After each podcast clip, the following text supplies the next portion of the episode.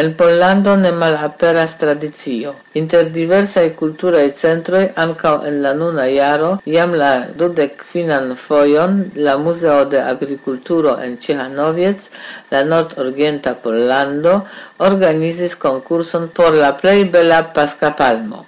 La concursajoi estos presentitai alla publico la plei proximan dimanton dum la palm dimancha procesio. Citiu regiona concurso Estas la plei malnova en la Podlaĥia regiono.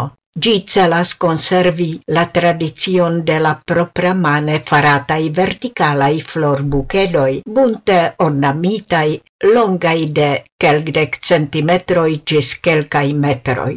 Ili creigas el propra mane faritai silk-paperai cae crep-paperai floroi, secigitai plantoi cae brancetoi, colorai rubandoi. Por la nun jara concurso venis ec tricent quindec sep palmoi, ciui creigis en infan varteioi, lerneioi, grand agiulai cluboi au rondoi de villagianinoi la nunjara concurs ricolto superis tiun ci de la antaua iaro. Pos la solena procesio ili estos daure rigardeblai sur la tereno de la agricultura museo en Teĥanoviec.